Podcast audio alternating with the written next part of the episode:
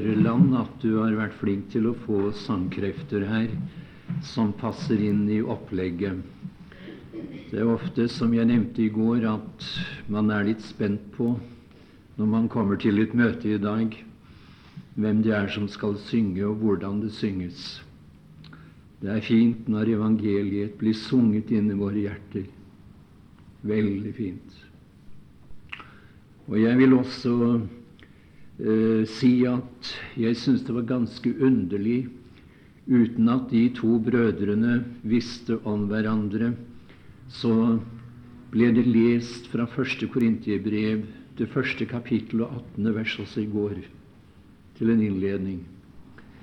Og jeg tror det er såre nødvendig i dag at nettopp dette blir understreket. Eh, hva er det vi hører når vi slår på en radio for å høre en andakt, eller, eller vi ser og hører det som blir sagt i, gjennom gjennom TV-apparatet. Det er noe langt annet vanligvis enn ordet om korset. Noe ganske langt annet. Og jeg må si at eh, det er noe vi savner i dag. Ord om korset. Jeg husker at Arne Aano sang i vekkelsen i Koppevik for mange år siden. Vi sto der sammen i tre måneder og jeg kan ikke glemme da han igjen og igjen sang Det er ord om korset du trenger, min venn. Det er ord om korset igjen og igjen. Ja, det er sant, det.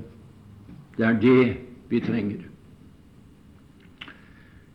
Nå, Vi har lest litt fra Første Mosebok og prøvd å si litt om da i møtet i går uh, patriarken Isak som et forbilde.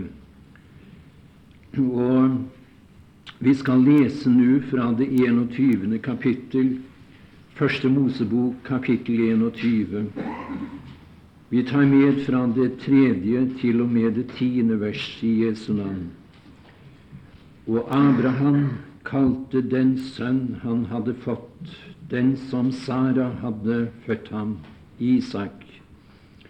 Og Abraham omskar Isak, sin sønn, da han var åtte dager gammel, således som Gud hadde befalt ham. Abraham var hundre år gammel da han fikk sin sønn Isak. Da sa Sara, Gud har gjort det så at jeg må le. Alle som hører dette, vil le av meg. Og hun sa, hvem skulle vel ha sagt til Abraham at Sara gir barn og die, og nå har jeg født ham en sønn i hans alderdom.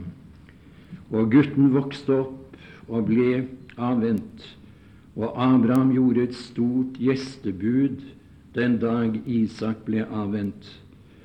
Og Sara så at egypterkvinnen Hagars sønn, som hun hadde født Abraham, spottet. Og hun sa til Abraham, driv ut denne trellkvinne og hennes sønn, for denne trellkvinne eh, denne trellkvinnes sønn skal ikke arve med min sønn, med Isak. Amen.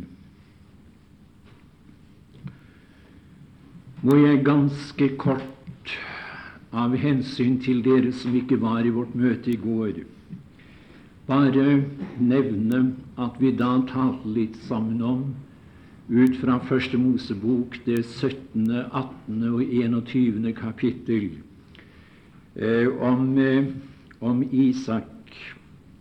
Og vi så litt på at Isak, han står for den troendes sønneforhold eh, i Skriften.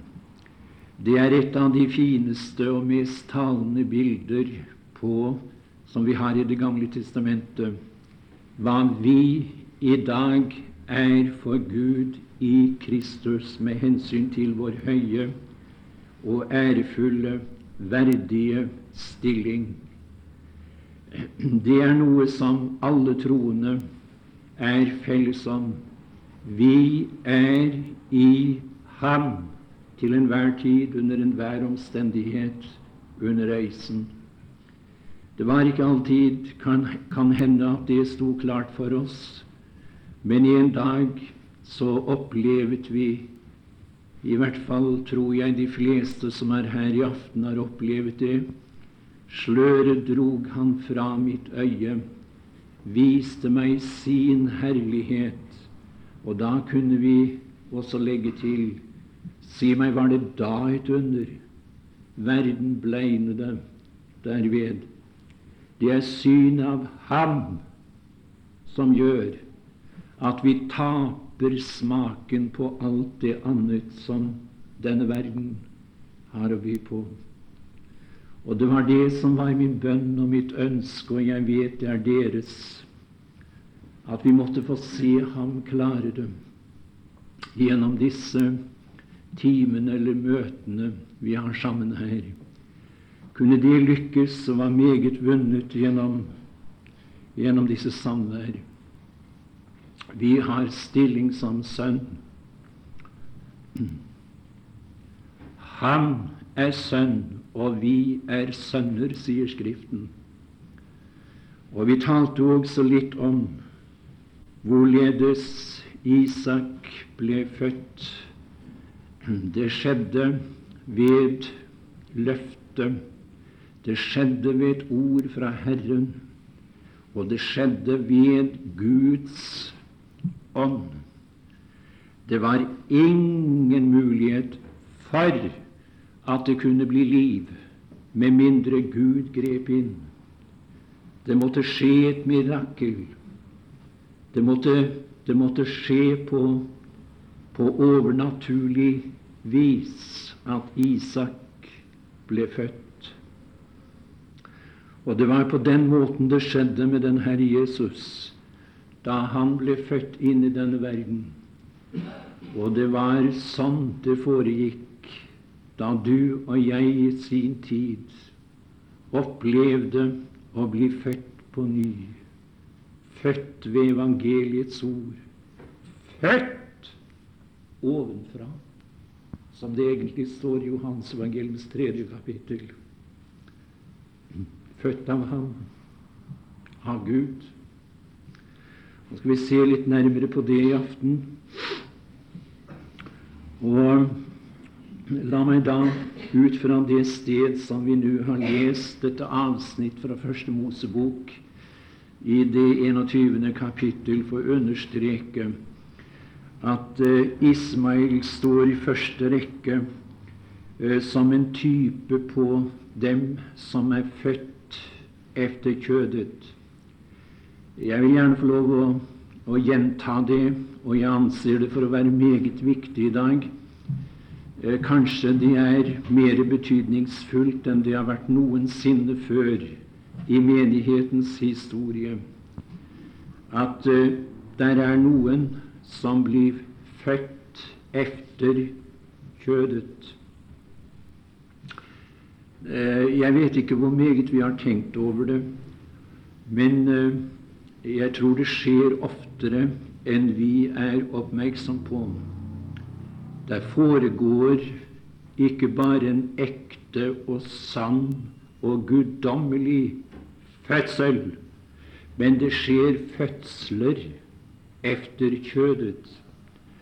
Og her står Ismail som en representant for enhver i denne verden som er født efter kjødet.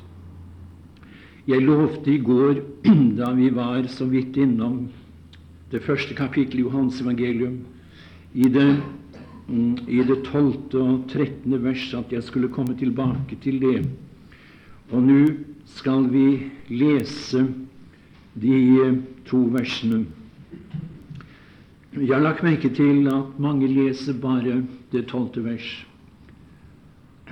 Men eh, vi bør, og det er meget viktig, lese begge disse versene i sammenheng. Johans evangelium, det første kapittel, 12 og 13. Men alle dem som tok imot ham, dem ga han rett til å bli Guds barn, dem som tror på Hans navn. Og de er født. De er født og så nevnes her fire fødsler. Jeg vet ikke om du har merket deg det når du har lest det 13. verset i Johans evangelium igjen. Men her er som sagt nevnt fire fødsler. Og vi skal nå se litt på det. Og de er født ikke av blod, heller ikke av kjøtts vilje heller ikke av manns vilje. Der er tre fødsler vi her har lest om ut fra dette vers, eller i dette vers, nemlig det å bli født av blod, og det er den naturlige fødsel. Det er ikke et eneste menneske som ikke er født av blod, vet vi. Men det står videre heller ikke av kjøds vilje. Eh, er det noen som blir født av kjøds vilje? Isak ble født etter kjødet. Og Vi skal bare lese nå litt for å stadfeste denne tanke. Det er nemlig ikke noe jeg griper ut av løse luften. Det er noe som står skrevet i Guds ord med all mulig tydelighet. Og i Galaterbrevets fjerde kapittel vil dere slå opp der, i Galaterbrevets fjerde kapittel, og der i det 23. vers. Og vi skal bare nå lese første del av verset. Men trellkvinnens sønn, altså Ismail, Trellkvinnens sønn er født efter kjødet. Tydeligere kan det neppe sies. Trellkvinnens sønn er født efter kjødet. Og jeg tror at det skjer i mange av våre vekkelser rundt omkring i vårt land, og kanskje det skjer oftere i dag enn det har gjort før. Det er noen som blir født av kjøds vilje. Hvordan foregår det, sier du? Det skjer på den måten at man ved en viljeanstrengelse legger sitt liv om. Man omvender seg fra én måte å leve på til en annen og bedre måte å føre sitt liv på. Og det er meget alvorlig. Der skjer en fødsel. En fødsel av kjøds vilje. Eh, Sara syntes at det ble lenge å vente, leser vi i Første Mosebok. Gud hadde gitt løfte. Abraham fikk det allerede i Første Mosebok, det 15. kapittel. Og jeg synes det er så fint å se at det står om denne, denne gudsmann. Han trodde Gud, og Gud regnet ham det til rettferdighet. Men så gikk tiden, så gikk årene, og det skjedde ikke noe så ble det for lang tid å vente for Sara. En dag sier hun da til Abraham, der er min trellkvinne, gå inn til henne. Si meg, ble det fødsel? Ja. Ismail ble født. Det var som om eh, Sara resonnerte slik. Nå må vi ta naturen til hjelp. Det kan ikke nytte å vente på Gud lenger nå. Nå får vi Nå får vi gå den naturlige veien. Og så ble resultatet Ismail født efter kjødet.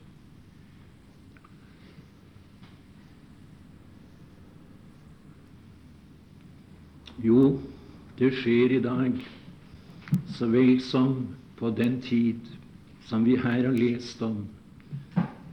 Fødsler efter kjødet.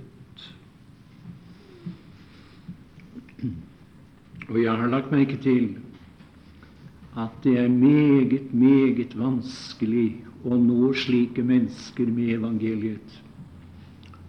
De er bundet som jeg holdt på å skulle si ingen andre i denne verden.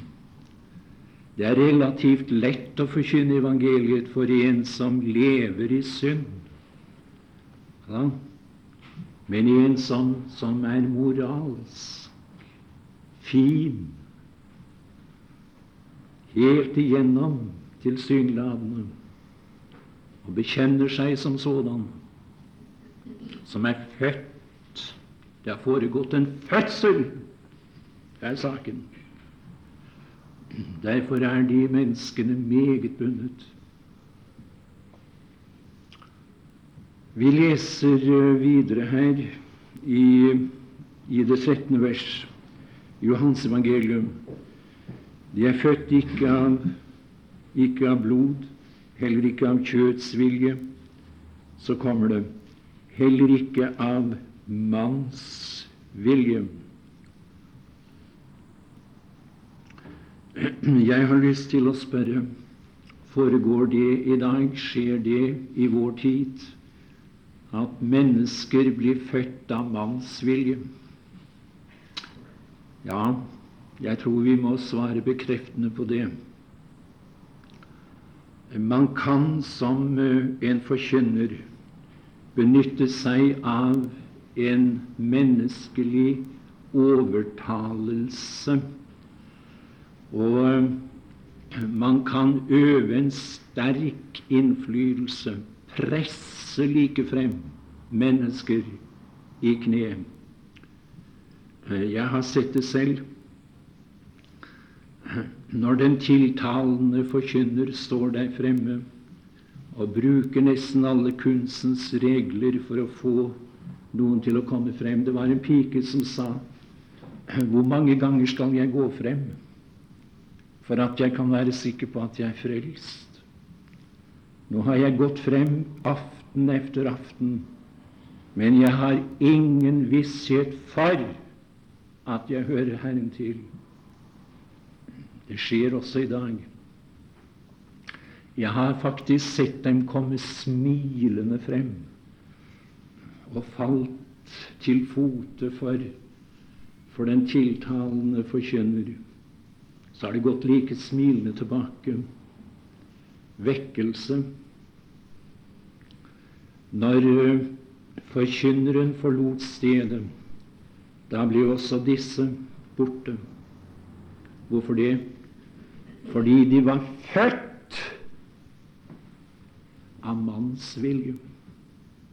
En sjelelig påvirkning, innflytelse, en sterk sådan, hadde funnet sted. Og så sier man ja, han og hun, de er falt fra. Så spør jeg hva er de falt fra? Hva er de fant fra?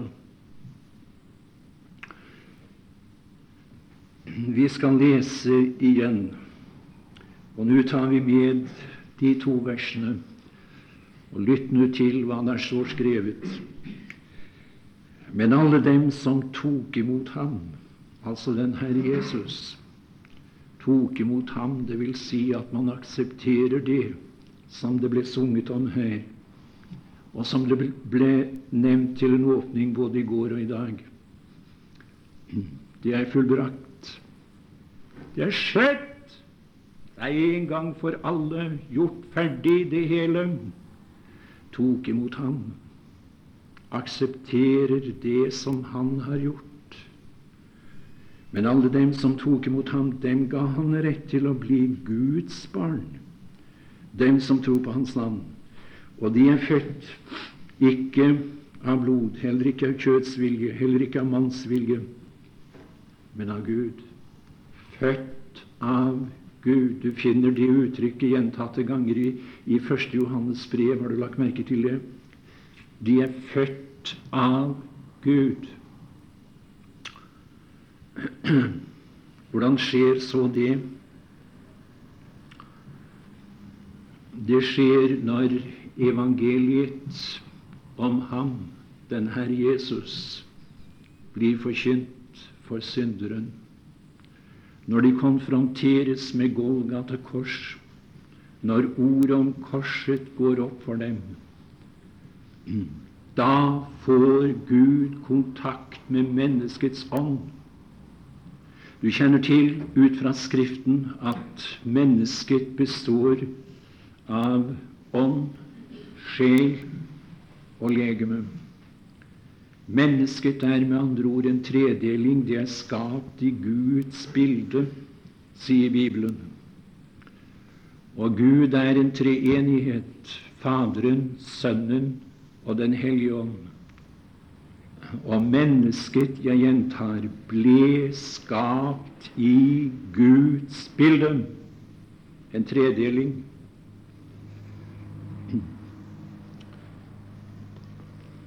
Når Gud vil ha kontakt med et menneske, da tar han ikke sikte på legeme. Legeme, det er i første rekke.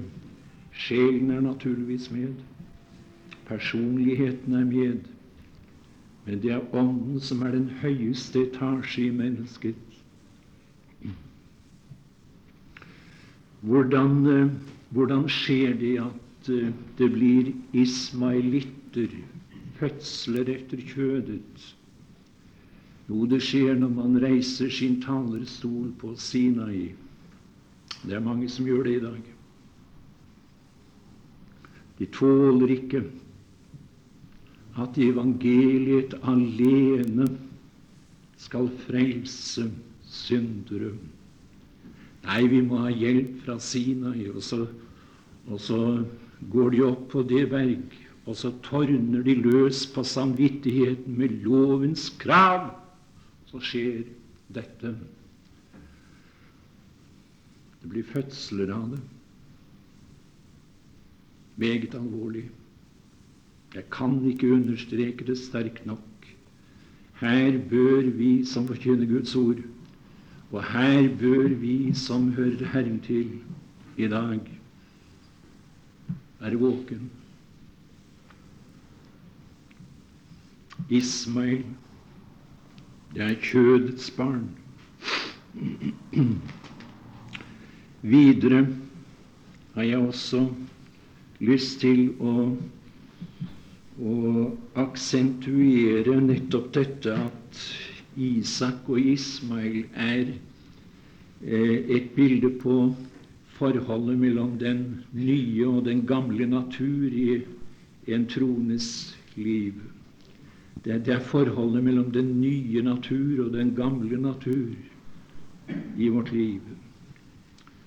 Og vi legger merke til, og du kan lese med eftertanke gjennom denne beretningen om Isak og Ismail, og du vil finne at uh, Isaks fødsel forandret ikke Ismails natur. Nei da, han var den samme, nøyaktig den samme, efter at Isak var født. Og Bibelen sier kjødet er fiendskap mot Gud. Det er ikke Guds ånd lovlydig, og det kan heller ikke være det, sier Romerbrevets 8. kapittel, vers 7. Og apostelen Paulus sier, og jeg erklærer meg enig med ham Som jeg sa i går, jeg har levet med Herren noen år. Det skjedde på et tidlig tidspunkt i mitt liv, og jeg kan ikke få si Gud takk som jeg gjerne ville for at jeg ble frelst i unge år. Det har vært en herlig tid. Det har bare blitt uh, større og større for meg i mitt erkjennelsesliv, det at jeg får høre Ham til i denne verden. Jeg syns jeg kjente meg så godt igjen når du sa det her. Vi føler oss mer fremmede enn noensinne. Vi lengter efter å få møte ham, den Herre Jesus. Men jeg må si det er med meg, og det er med oss alle, som det var for eh, apostelen Paulus. Han gir uttrykk for det i Rombrets syvende kapittel. I meg det er mitt kjød. Når det gjelder min gamle natur, der bor det intet godt. Intet. Jeg venter ikke noe godt fra det hold. Den er totalt fordervet. Den har ikke blitt bedre etter hvert. Jeg synes bare at jeg ser mer og mer av slibrighet, heslighet, dårlighet og synd når jeg vender mitt blikk innad mot meg selv. Nei da, den nye natur har ikke forandret den gamle natur. Den er i sin karakter den samme som den alltid har vært, og vil forbli det så lenge vi reiser gjennom denne verden, så lenge vi vandrer her ved tro. Blir ikke bedre hva det angår. Men uh, der er en, en ting til her som er av stor betydning å få øye på, nemlig at uh, det var Isaks fødsel som avslørte Ismails sanne karakter. Det var da Isak ble født, at Ismails natur kom for dagen. Det var da de oppdaget den. Og må jeg få lov å ta dere med til Første Mosebok, det 16. kapittel. Altså det 16. kapittel i Første Mosebok. Og vi leser der ifra det tolvte vers.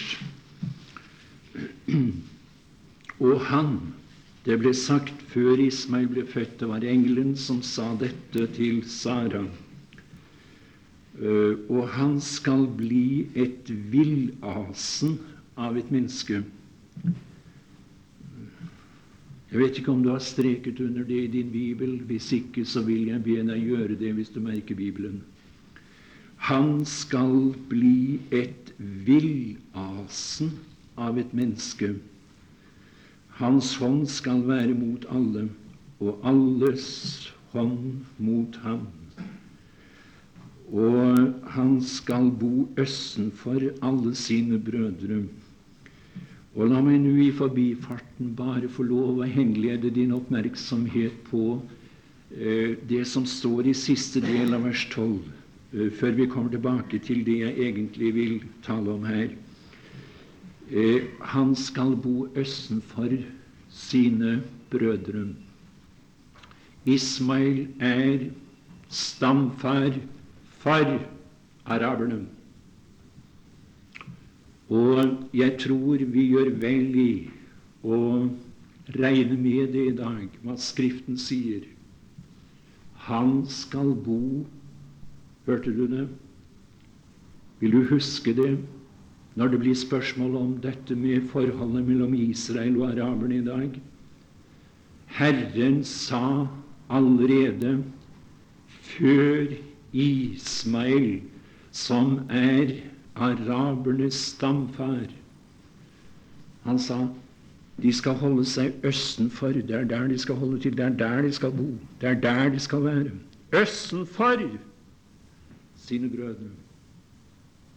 Jeg kan ikke utvikle denne tanken nå, enn skjønt vi kunne gjøre det om vi hadde hatt tid. Men tilbake til tolvte vers og første del. Han skal bli et villasen. Men du kan lese om, eh, om eh, Abraham og Sara og deres hus. Og du vil ikke finne på et eneste sted at, at Ismail viste noe av denne natur, villasen-naturen, så lenge han var alene. Oi da. Han var en tilsynelatende rolig og flink og pyntelig, føyelig gutt så lenge han var alene i huset. Han gjorde ikke noe bråk. Han laget ikke noe spetakkel i Abrahams hus så lenge han var alene, Ismail. Men hør nå. Det skjedde noe, og det det var det vi leste om her i, i Første Mosebok 21. Der står i det niende vers Og gutten vokste opp og ble avvent, og Abraham gjorde et stort gjestebud den dag Isak ble avvent.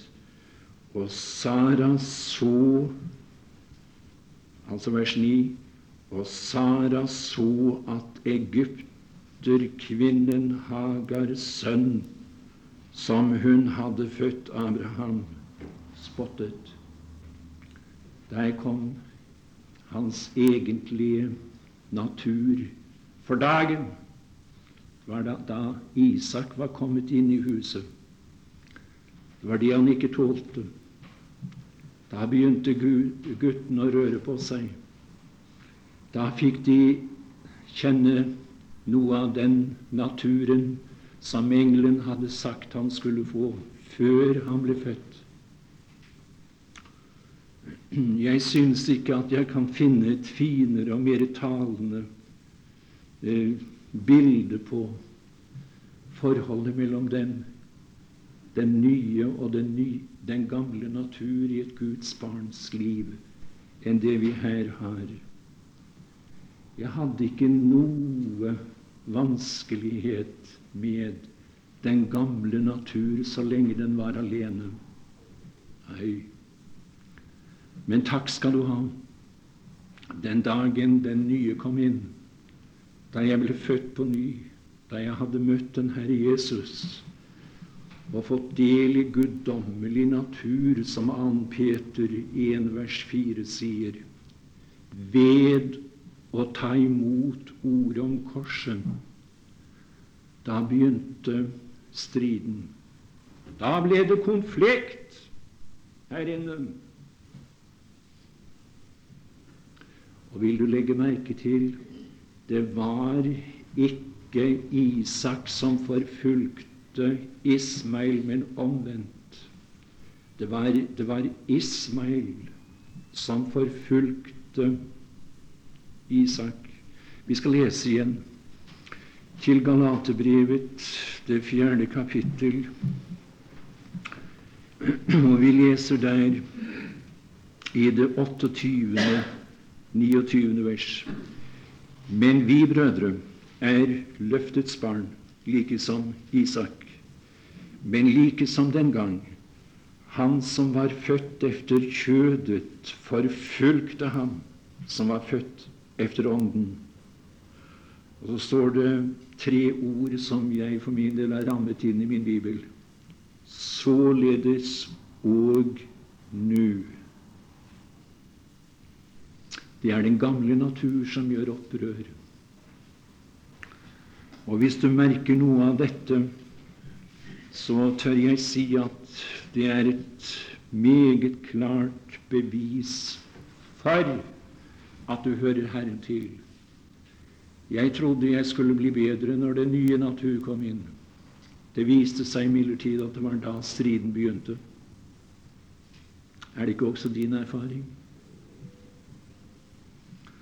Nei, du skal ikke bli skremt av det, for Bibelen sier den gamle natur er uforbederlig. Den kan ikke forandres. Den vil være den samme hele turen. Så leser vi igjen Og Sara så at egypterkvinnen Hagars sønn, som hun hadde født Abraham, spottet. Og hun sa til Abraham, driv ut denne trellkvinne og hennes sønn. Driv trellkvinnen og hennes sønn ut. Rent juridisk Hør nå hva jeg sier, jeg har tenkt nøye over det. Rent juridisk er den gamle natur allerede drevet ut. Det vil si, den har fått sin dom. Den er skaffet bort fra Guds åsyn, drevet ut fra Guds åsyn, eller bort fra Guds åsyn, en gang for alle. Den er her, stadig, uavbrutt.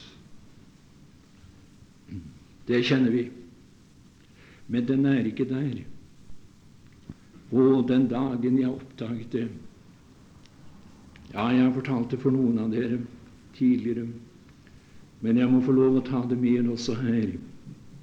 Og mine tanker går da til Romerbrevets åttende kapittel, vers 3.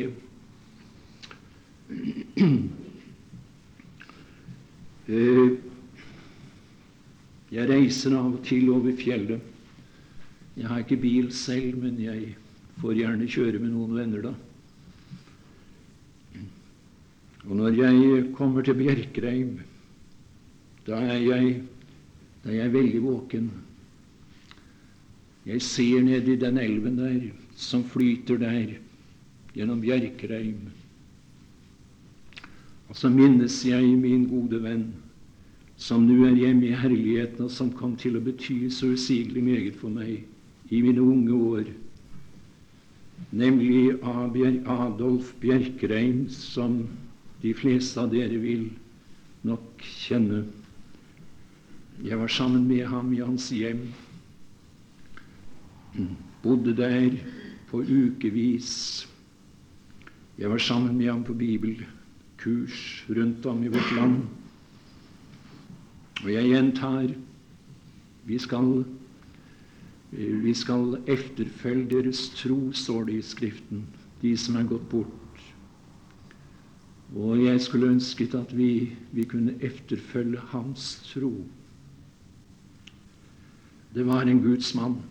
Jeg har neppe lært noen å kjenne som i den grad hadde nåde til å, å, å, å gjøre Kristus stor for hjertene.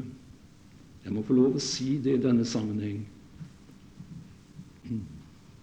Det var noen som protesterte, det var noen som ikke likte det, naturligvis. Det ble for lite snakk om Sinai. Det var saken. Det var der det bunnet Ja. Men det, det, det, det, som lå ham, den, den Guds mann på hjertet, det var for hellige Kristus. Når jeg kjører forbi der oppe i Bjerkreim, så ser jeg etter en sten nede i elven. Han fortalte det, ikke bare én gang, men flere ganger, siden jeg hørte at i sin aller yngste tid som troende like etter at han ble frelst, så ble han påvirket, kommer under innflytelse av en, en retning som lærte syndfrihet i kjødet. Eh, det vil si, man kunne oppnå det, forfektet de, eh, hvis man bare la seg helt på Guds alter. Hvis man bare innvidde seg helt til Gud, så, så skulle man bli fri den gamle natur, Ismails-naturen, Adams-naturen. Han var meget sterkt påvirket av denne retningen. Og det, det førte til at han var fortvilelsen nær. Det var kommet så langt at han en dag står på en sten der nede i elven. Og da hadde han bare ett mål for øye, fortalte han det var å gjøre ende på sitt liv. Ja, det, det høres drastisk ut, jeg er klar over det. Men eh, jeg forstår ham til dels, i hvert fall. Jeg var inne i en i nøyaktig samme tilstand som ung troende. Det var så rent fortvilet. Jeg gikk på møtene, og jeg hørte dette omkvedet igjen og igjen eh, på de møtene jeg var til da. Du må korsfeste det gamle mennesket i deg. Du må bringe det til korset. Du må døde daglig, det gamle mennesket. var det jeg hørte. Og La meg i forbifarten også si at jeg prøvde på det. Jeg prøvde på det.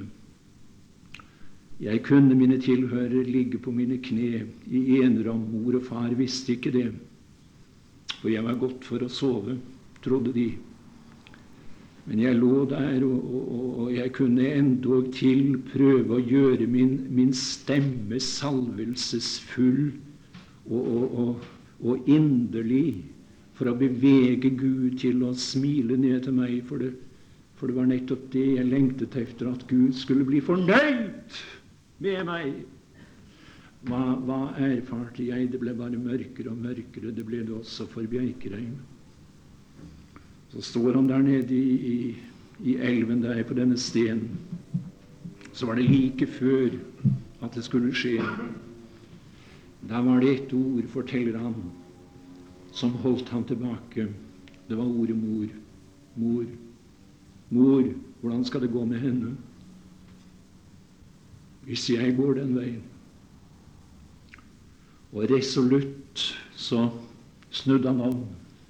Så sprang han hjem opp, opp, det, opp til det lille huset der oppe i lia der, skråningen der. Og så gikk han opp på, på loftet, som han sier. Hadde et lite rom der. Falt på sine kne, åpnet Bibelen, og han leste disse ordene fra Romerbrevet 8, vers 3. For det som var umulig for loven idet den var maktesløs ved kjødet, det gjorde Gud. Det gjorde Gud. Idet han sendte sin sønn i syndig kjøts lignelse og for syndens skyld fordømte. Fordømte! Hørte du det? Det står på engelsk 'kondemnerte'. Det er et fint uttrykk. Kondemnerte. Jeg kjenner litt til når de når, når, når, disse gamle skipene kommer, så blir det spørsmål om de kan, kan reparere dem, om de kan restaureres. Men så er det noen som er i en så dårlig forfatning at man sier om dem de er kondemt. Da går det bare én vei, da. Det er å forkaste det. Ferdig med det. Ja, han kondemnerte, og det står i en annen oversettelse så fint, synes jeg. Han satte synden i kjødet ut av betraktning. Ut av betraktning! Ja, var det han gjorde. Og det var det Bjerkreim fikk se den dagen der oppe på loftet, da han lå på sine kne og Det var der han fikk den mektige inspirasjon til å skrive den sangen som jeg formoder er kjent av de fleste av oss. Han skrev i Romerbrevet 8 fra første vers til tre Min Gud i nåde en gang til meg talte. At jeg Å ja, det er stort når det skjer. At jeg i Jesus Kristus for evig var gjort fri da han på korset all min synd betalte. Ja, det er betalt for alt, ikke bare det du har gjort. Nei, han tok, han tok også det du er med Han gikk til bønns i spørsmål om synd da den Herre Jesus døde på Golgata. Da Gud ordnet den saken. Det gjorde Gud. Den er ferdig med det gamle mennesket som du bærer på, og som du kjenner stadig og daglig på i ditt liv. Ismails naturen er, hør nå, juridisk, vel å merke, allerede drevet bort fra Guds åsyn. Den er her. Men eh, må jeg få lov å gjenta det? Lovet være Gud, den er ikke der. Den er ikke for Guds øyne. Nei, der ser han meg plettfri, ren, ulastelig, ustraffelig, sier Kolossensbrevet 1.22. I ham. For Gud. Vet du hva jeg gleder meg til? Det er én ting jeg ser frem til, det er at Herren skal komme. Herren skal komme. Jeg, jeg ser ikke i første rekke frem til at Han kommer til dom, at Han kommer for å opprette riket. Jeg vet at de frelste skal være med, i likhet med Adam, som eh, ble betrodd å herske over denne verden men ikke alene. Han fikk en brud ved sin side. Så skal Kristus også en dag herske over denne verden. Han skal ha en brud ved sin side. Jeg skal få være med i den skaren der av nåde. Blank nåde. Du skal få være med der. Du som hører Herren til, du som er frelst, du som er gjenfødt, du som hører til Guds familie. Født av Gud. Men i første rekke ser jeg frem til at den Herre Jesus skal komme ned til atmosfæren, som Bibelen sier. Så skal det skje et stort forsvinningsnummer i denne verden. Han rykker oss opp. Det blir, det blir tomt et og annet sted rundt ham. Jeg venter ham. Jeg gjentar, vet du hva jeg gleder meg til? Jeg gleder meg til at den dagen skal jeg være kvitt den gamle natur. Den skal drives ut. Ismail skal drives ut. Trellkvinnens sønn skal jeg for alltid være fri for. Og det gjennom evigheters evighet. Intet i meg, intet omkring meg skal hindre meg i å omgås Gud i fortrolighet. Nå er det så at selv de helligste stunder, endog da når jeg tilber Jeg snakker ikke om når jeg ber, når jeg takker, men når jeg tilber. Endog da er det sånn i mitt liv i dag at mine, mine, mine, mine tanker de kan gå i andre baner, og så forstyrrer de. Ikke så da når Ismail er drevet ut. Da er jeg ferdig med den gamle natur. Det er det vi ser frem til. Det er det som skal skje når Herren kommer. Jeg vet ikke om jeg taler til noen som ikke er frelst. Da vil jeg gjerne gjenta det som vi hørte her. Det er fullbrakt. Det er fullbrakt. Det er ordnet. Det er klart. Jeg sa det til Gud for en tid tilbake. Jeg vil nødig holde en bibeltime eller et møte uten at jeg regner med det er noen som ikke er frelst, som lytter. Er du her som ikke er frelst, kom inn i denne fullbrakte frelse. Han venter på deg. Å, måtte det være en som kunne bli en stjerne i hans diadem i evigheten, som ble vunnet her. Ja, vår Gud, nå har du hørt hva vi har sagt, og jeg ber deg ta bort alt som er av meg. Vil du la det som vi har lest fra din bok og pekt på, bli sittende igjen. La Den hellige ånd, som har tatt bolig i våre hjerter, gjøre Kristus stor for våre, for våre sinn, for vår ånd, slik at vi kunne mer være opptatt med Ham fra dette møtet av enn vi har vært hittil i vårt liv. Å Herre, det er godt i denne mørke verden, når man ser på utviklingen i dag, ikke minst. Det er godt å vite at det skal snart bli en forandring. Men på samme tid så føler jeg daglig på det er noen som, som ikke er frelst, også av de som hører til vår familie. Og nå vil jeg tro at hver enkelt som er her i aften, vår Gud, tenker på dem som de daglig og stadig ber om redning og frelse for. Så forener vi oss da i bønn. Gode Gud, tal til dem. La dem fornemme på en sterk måte at det er noen som er innenfor tronen og nevner deres navn for deg. Vekk dem og redd dem og frels dem. Vi legger disse møtene fortsatt frem for deg. Må det bli til din ære. Amen.